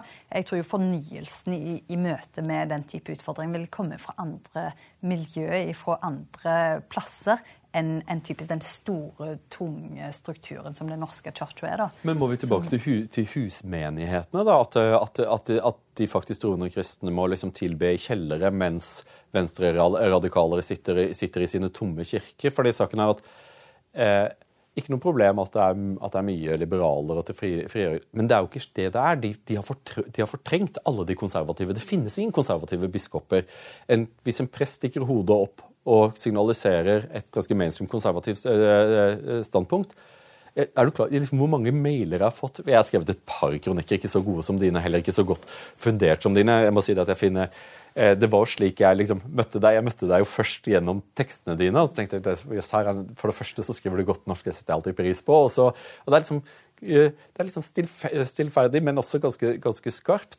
Eh, og det, det, som, det, som, har skjedd, er jo en, en, en fortrengning. Der det, liksom på alle måter så, Man sier at ja, naturligvis, her, her råder toleransen over inkluderende, men ikke deg. Mm.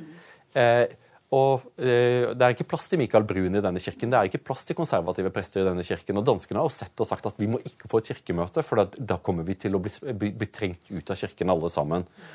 Eh, hvordan kan en sånn kirke, når da, eh, når da det bare til sist er wishy-washy, svaktroende damer med veldig mye tenner i smilet sitt og, og, og alltid den, den siste politisk korrekte meningen i munnen Eh, hvordan skal en sånn kirke kunne gjenoppstå? Jeg, jeg forstår det ikke.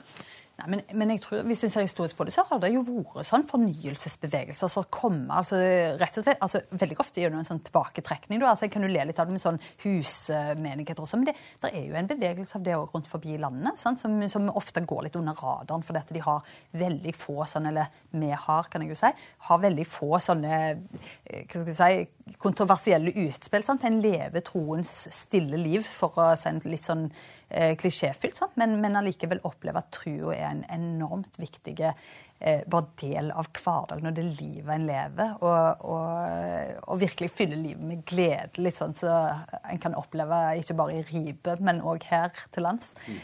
Eh, så, så, jeg tror jo at det finnes sånne typer bevegelser som, som lever litt tilbaketrekt, men der det likevel er en en kraft i de lange linjene, i de overleveringene som finnes. Da, og, og i ekte levd liv eh, i tru og etterfølgelse, da, som er jo et uttrykk som kanskje òg er litt ut, men som allikevel eh, en god del finner masse mening i.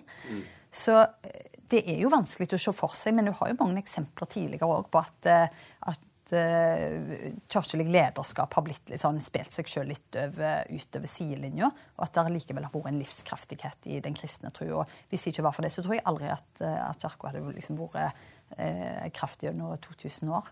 Uh, det er der Det er ikke bare å se på lederskapet.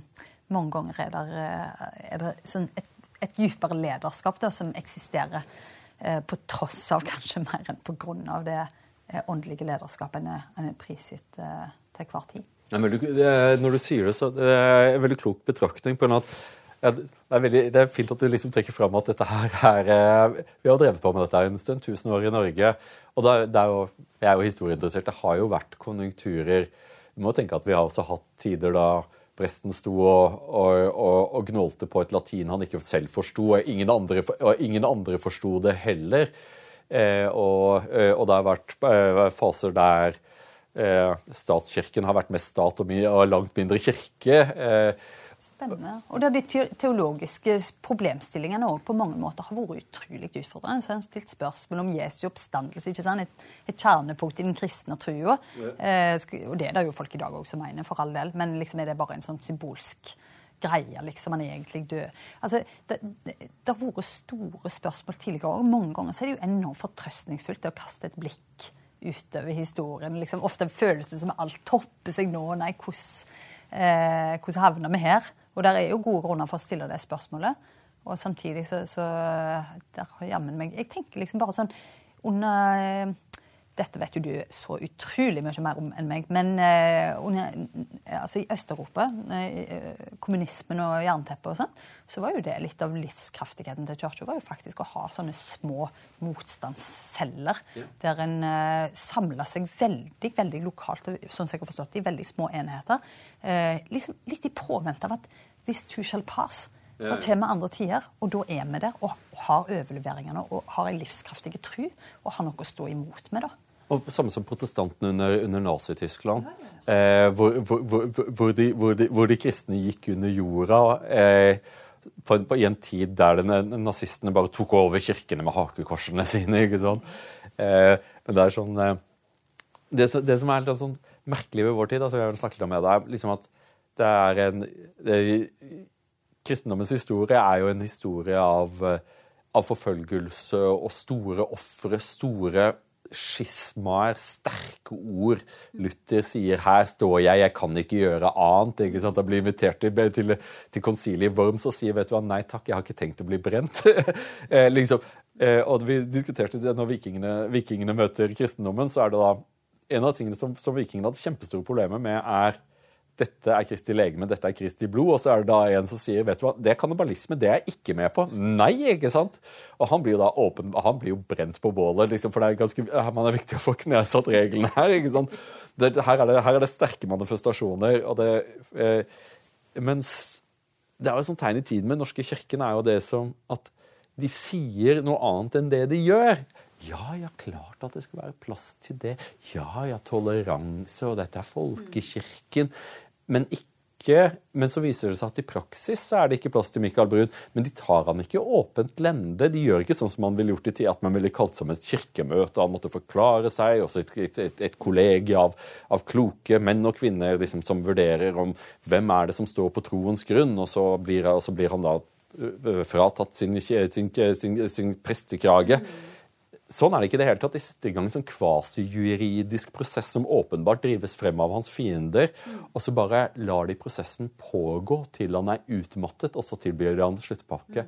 Hvordan i all verden kommer man til liksom et, et, et punkt der eh, det, eh, det, vi snakker om, da, at en, en, en grasrotskristendom må på en eller annen måte vokse opp i, i, dag, i, i kontrast til til den kirken som har blitt erobret av, av venstresiden. Men, men, det er jo sånn kill with kindness-kirke. De, de, de, de, unndrar seg jo enhver debatt hver gang du forsøker å sette Jeg, jeg tok jo rennafart i, i, i, i Morgenbladet, og da var det, det var liksom det var jeg fikk masse e-poster fra prester, fra konservative prester som sier 'tusen takk for at du sier det'. Jeg ville aldri våge å si det selv, og da ville jeg mistet jobben. Men takk for at du sier det. Eh, og, liksom, og da var jeg veldig hard i klypa, da. Mm. Mens eh, Hvordan klarer man å forholde Forstår du hva jeg mener? Ja, jeg tror jeg forstår hva du mener, men, men vi, vi, står for tett på her, tror jeg. Altså, altså vi, vi, vi, på en måte, så, Hvordan klarer vi å forholde det, det, vil jo på en måte vise seg litt, for jeg føler på en måte vi er midt i eh, noe som, som, ikke har altså Ting har endra seg veldig fort.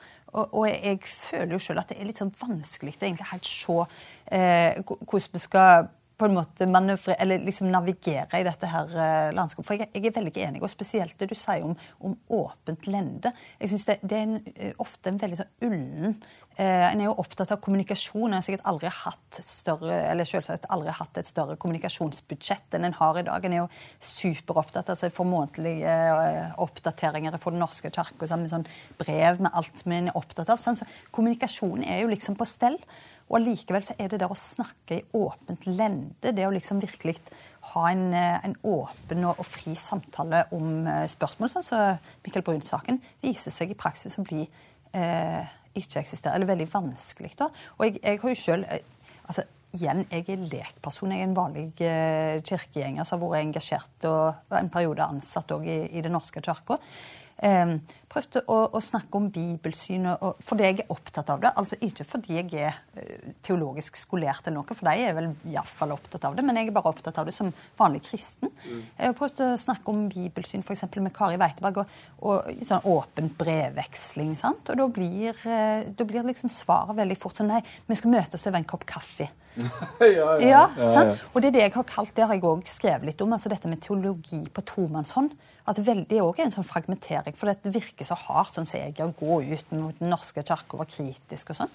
Det er jo ikke så veldig festlig alltid. Men jeg tenker jo at det er en sånn befriende sak med det der å bare møte altså Siden vi har dette samfunnet vi har, med fri meningsbrytning og alt sånt, at det er noe veldig befriende med å snakke rett fram om disse tingene her òg. Eh, det virker ikke som en er så En snakker om demokrati i Den norske kirke, men jeg liker ikke så godt å ha sånne åpne prosesser. Så dermed blir liksom det der Michael Brun-saken eksempel, og, og, flere andre sånne saker blir veldig fort sånn ja, ja, men nå, nå ble det sånn, og, og mange sånn halvkved viser, og så snakker du med noen lokalt. Ja, men han var jo så kontroversiell i Sogndal, og konfirmantforeldrene ville jo ikke ha han, ikke sant? Og så, og så, ja vel, eh, men var det det som skulle bestemme hvem som skulle ha en jobb i, i Den norske kirka? Jeg tenker bare det å kalle det for jobb, ikke sant? Det er jo en tjeneste en har når en er prest, osv. Så, videre. så alt dette her er, eh, er syns jeg er utrolig vanskelig å egentlig mene noe om. For en står liksom så tett på det. Um, men jeg tror i alle fall en, en mangler kanskje litt sånn den kulturen for å, å f.eks. Få, få belyst en sak som Michael Brun-saken på sånn ordentlig vis. da. Og det tror jeg er mange av oss hadde, hadde likt godt. Om, hadde, en hadde opplevd at det var blitt tatt opp på en ordentlig måte. Og snakke om Eh, i øyenhøyde liksom, for alle parter. Og nå har vi beveget oss til dagens store spørsmål. Eh, og det er jo The Clash. Should I stay or should I go? For det er jo det store spørsmålet for iallfall de som er eh, eh, moderat konservative eller konservative eller bindestredskonservative, så er det et spørsmål som er for mange av oss. Eh, vil jeg være med lenger nå? Eh, du har valgt å bli i kirken. Hvorfor det? Nei, Jeg har jo røpt for deg tidligere at, eh, at jeg har et eh, kanskje altfor pragmatisk syn på det med kirkemedlemskap. Altså Trua mi er en så viktig del av, av, livet og er en så selvsagt kraft i livet og glede, liksom. Så, så akkurat det med kirketilhørighet har på en måte blitt omslutta i mitt liv helt fra jeg var liten av. Sikkert oppdratt i en sånn pragmatikk. Vi går på bedehuset, vi går i kirka. Altså det, det, er jo det kristne vi søker. Det er liksom ikke en slags sånn subkategori eller sånn, eh, sånn som det. Men, men eh, så, så, litt i så Litt må jeg bare innrømme at det handler om pragmatikk. Um, vi går for tida som familie i en sånn lavkirkelig sammenheng og har vært der noen år og fulgt ungene. Sant? For som du sier, vi liker at ungene trives i denne sammenhengen og får gode svar på alle de spørsmålene de har når det gjelder tro. Og at de ikke liksom bare blir avfeid med sånn ja, men love is love, liksom. Men en ønsker jo liksom at de, at de, skal læres opp i den kristne tro og forstå og kunne og ha kritiske spørsmål med der. og sånt. Men, men eh, så, så, så, sånn sett så, så, føler jeg jo at pragmatikken er en del av det. Men jeg, jeg lurer virkelig, og spesielt når jeg møter folk som deg, som, som går rett i å ta konsekvensene. At nei, dette her eh, aksepterer jeg ikke, jeg melder meg ut.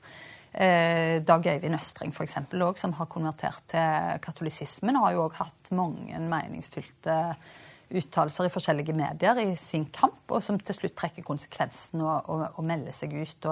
og, og, synes at uh, Der handler det jo om ekteskapslære, annet. Men, men uh, spørsmålet 'should I stay or should I go' er òg uh, godt. Og kanskje den der litt vaske Jeg er jo meningssterk og liker å mene ting, men, men, kanskje den der pragmatiske kirketilhørighetsholdningen. At en bør egentlig utfordres enda mer på den og, og ta konsekvensen av det. For en blir, sånn, en blir, jo kanskje litt sånn stemmekveg da, oppi det hele, eller hva mener du?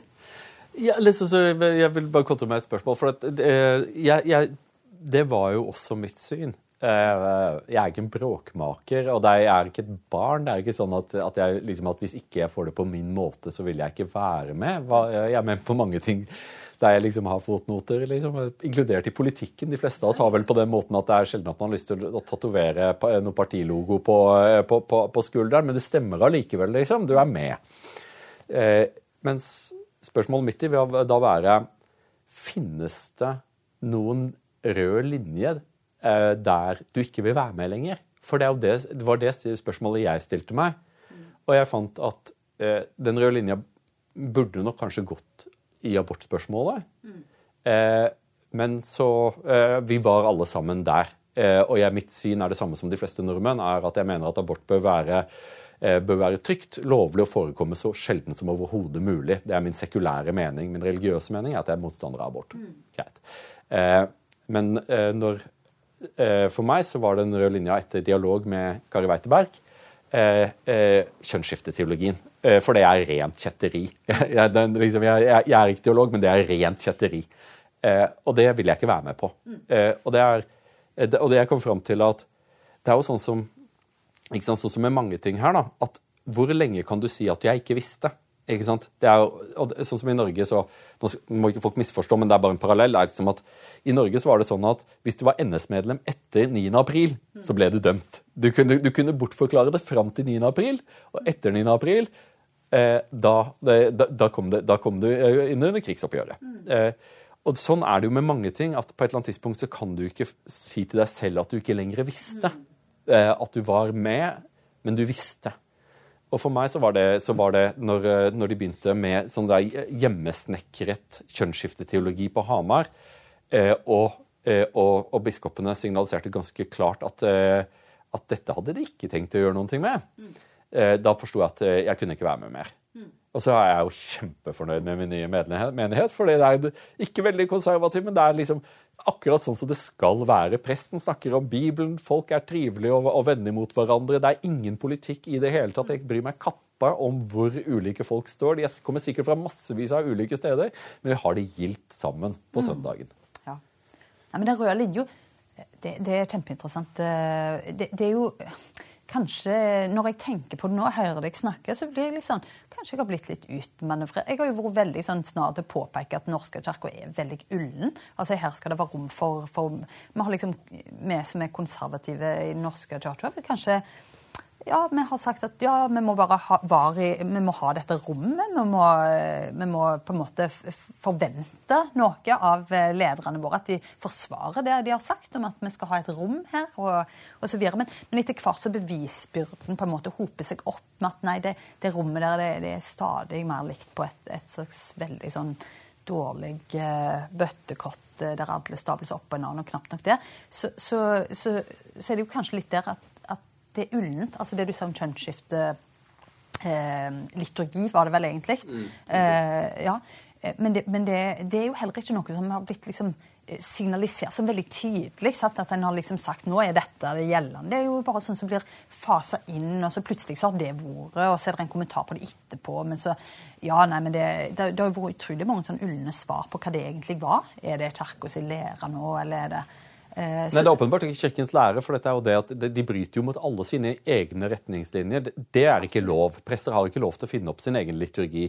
Men tydeligvis du, så, er, så, er, det greit når det gjelder akkurat dette. Eh, jeg, jeg, jeg, ble veldig usikker på hva de driver på med. Eh, og, da, og, da, jeg tok kontakt med min, med min, biskop for å komme til klarhet i dette, så ble det veldig klart at, at jeg og Kari Weiteberg kan ikke være med i den samme kirken, og hun kan ikke være min kirkeleder. Eh, det, men det, var, det er en ærlig sak. Eh, eh jeg, jeg, jeg, konkluderte at dette går ikke. Jeg, Eh, nå vet jeg. Jeg kan ikke late som at jeg ikke vet. Jeg, gikk, jeg spurte, jeg fikk svar. Nå vet jeg. Eh, eh, nå kan jeg, jeg, kan ikke være medlem av Den norske kirke lenger. Altså, men det går fint. Det går, det går liksom så mye mindre irritasjon i livet mitt. ja, Det kan jo hende den store fordelen med å faktisk ta konsekvensen av det og melde seg ut, er at en slipper hele tiden å være i opposisjon. Det er jo ganske slitsomt når alt du vil egentlig å bare få næring til, til trua di, liksom. Og, ja, så er det jo ikke i mitt navn. ikke sant? Det er jo det også at, at når du er med, så er det så De snakker jo i ditt navn. Mm. Eh, og nå er, nå er de bare en gjeng med liksom sånn venstreorienterte gærninger, liksom. De finnes, de finnes overalt. Eh, men de, de, snakker ikke mitt navn. Liksom, lykke til. Ha det fint. Ja. Men, men, men som, som, samfunnsinstitusjon og alt dette, så må en jo fremdeles liksom mene, mene, ting om det. Og, og, det ligger jo liksom i DNA-en. Men, men det, det, er det, det, kan godt hende at pragmatikken og denne her eh, interne ullenheten i Den norske kirka har på en måte gjort meg og mange av mine meningsfeller eh, i stand til å tenke litt sånn at ja, men eh, det å være litt sånn undergrunnsbevegelse i egen kirke, det å være litt sånn eh, naysayers, minne oss på at vi, vi, vi har en lang tradisjon for, for kirke i Norge. Og de lange linjene er liksom litt representert i denne kirka. Og, og, mange av oss har jo blitt, eh, blitt på en måte født inn og døpt og konfirmert i denne kirka. At den ja, har, har, masse å bety. Så, så, så, sånn sett så er det liksom Det, det er ei sorg, da. Eh, hvis jeg er inne i en sånn gradvis avvikling av mitt, eh, mitt medlemskap i Den norske kirke, så, så, følger det jo en sorg med. Og kanskje den sorgprosessen kanskje det er bare den jeg trenger, trenger tid på. Mulig. Jeg er iallfall glad for at, eh, at, du fremdeles er på, på innsiden. Jeg er veldig glad for at, at du skriver. Du er, tål, du er tålmodig. Eh, og det er jo, det er jo eh, liksom, eh, godt å se at du ikke blir bitter av, av de mange nederlag. For det er jo sånn som jeg, må, må, jeg erkjenne at, at jeg, traff, har truffet folk i Stavanger som er gyselig bitre over biskopvalget. Mm. for man innså plutselig at du spiller etter alle reglene, du, gjør, du, følger alle prosesser, men du kan aldri vinne hvis det ser ut som at, som at det er noen du har tro på. At din, at din biskop kan aldri vinne fram. Og det, det, skapte bitterhet. Men du er ikke bitter, og det liker jeg. Nei, jeg tror, jeg tror, bare ikke på det. Da hadde jeg vært utmeldt. Helt, eh, å forbli en sånn en plass eh, som en bitter eh, person, det, det, for meg er helt fremmed. Da måtte jeg ha meldt meg ut. Så det hadde iallfall vært en helt sikker ting. For det er bare ikke en måte å leve på som jeg kunne ha tenkt meg. Og det går jo òg helt sånn, på tvers av den trua jeg har òg. Så det, ja, det tror jeg er ja, jeg tror det er en viktig ting nå. Og det får vel være dagens konklusjon, at det går veldig fint å være protestant i Den norske kirke og utenfor Den norske kirke. Sofie Braut, tusen takk for at du kom på Toyens time. Takk skal du ha.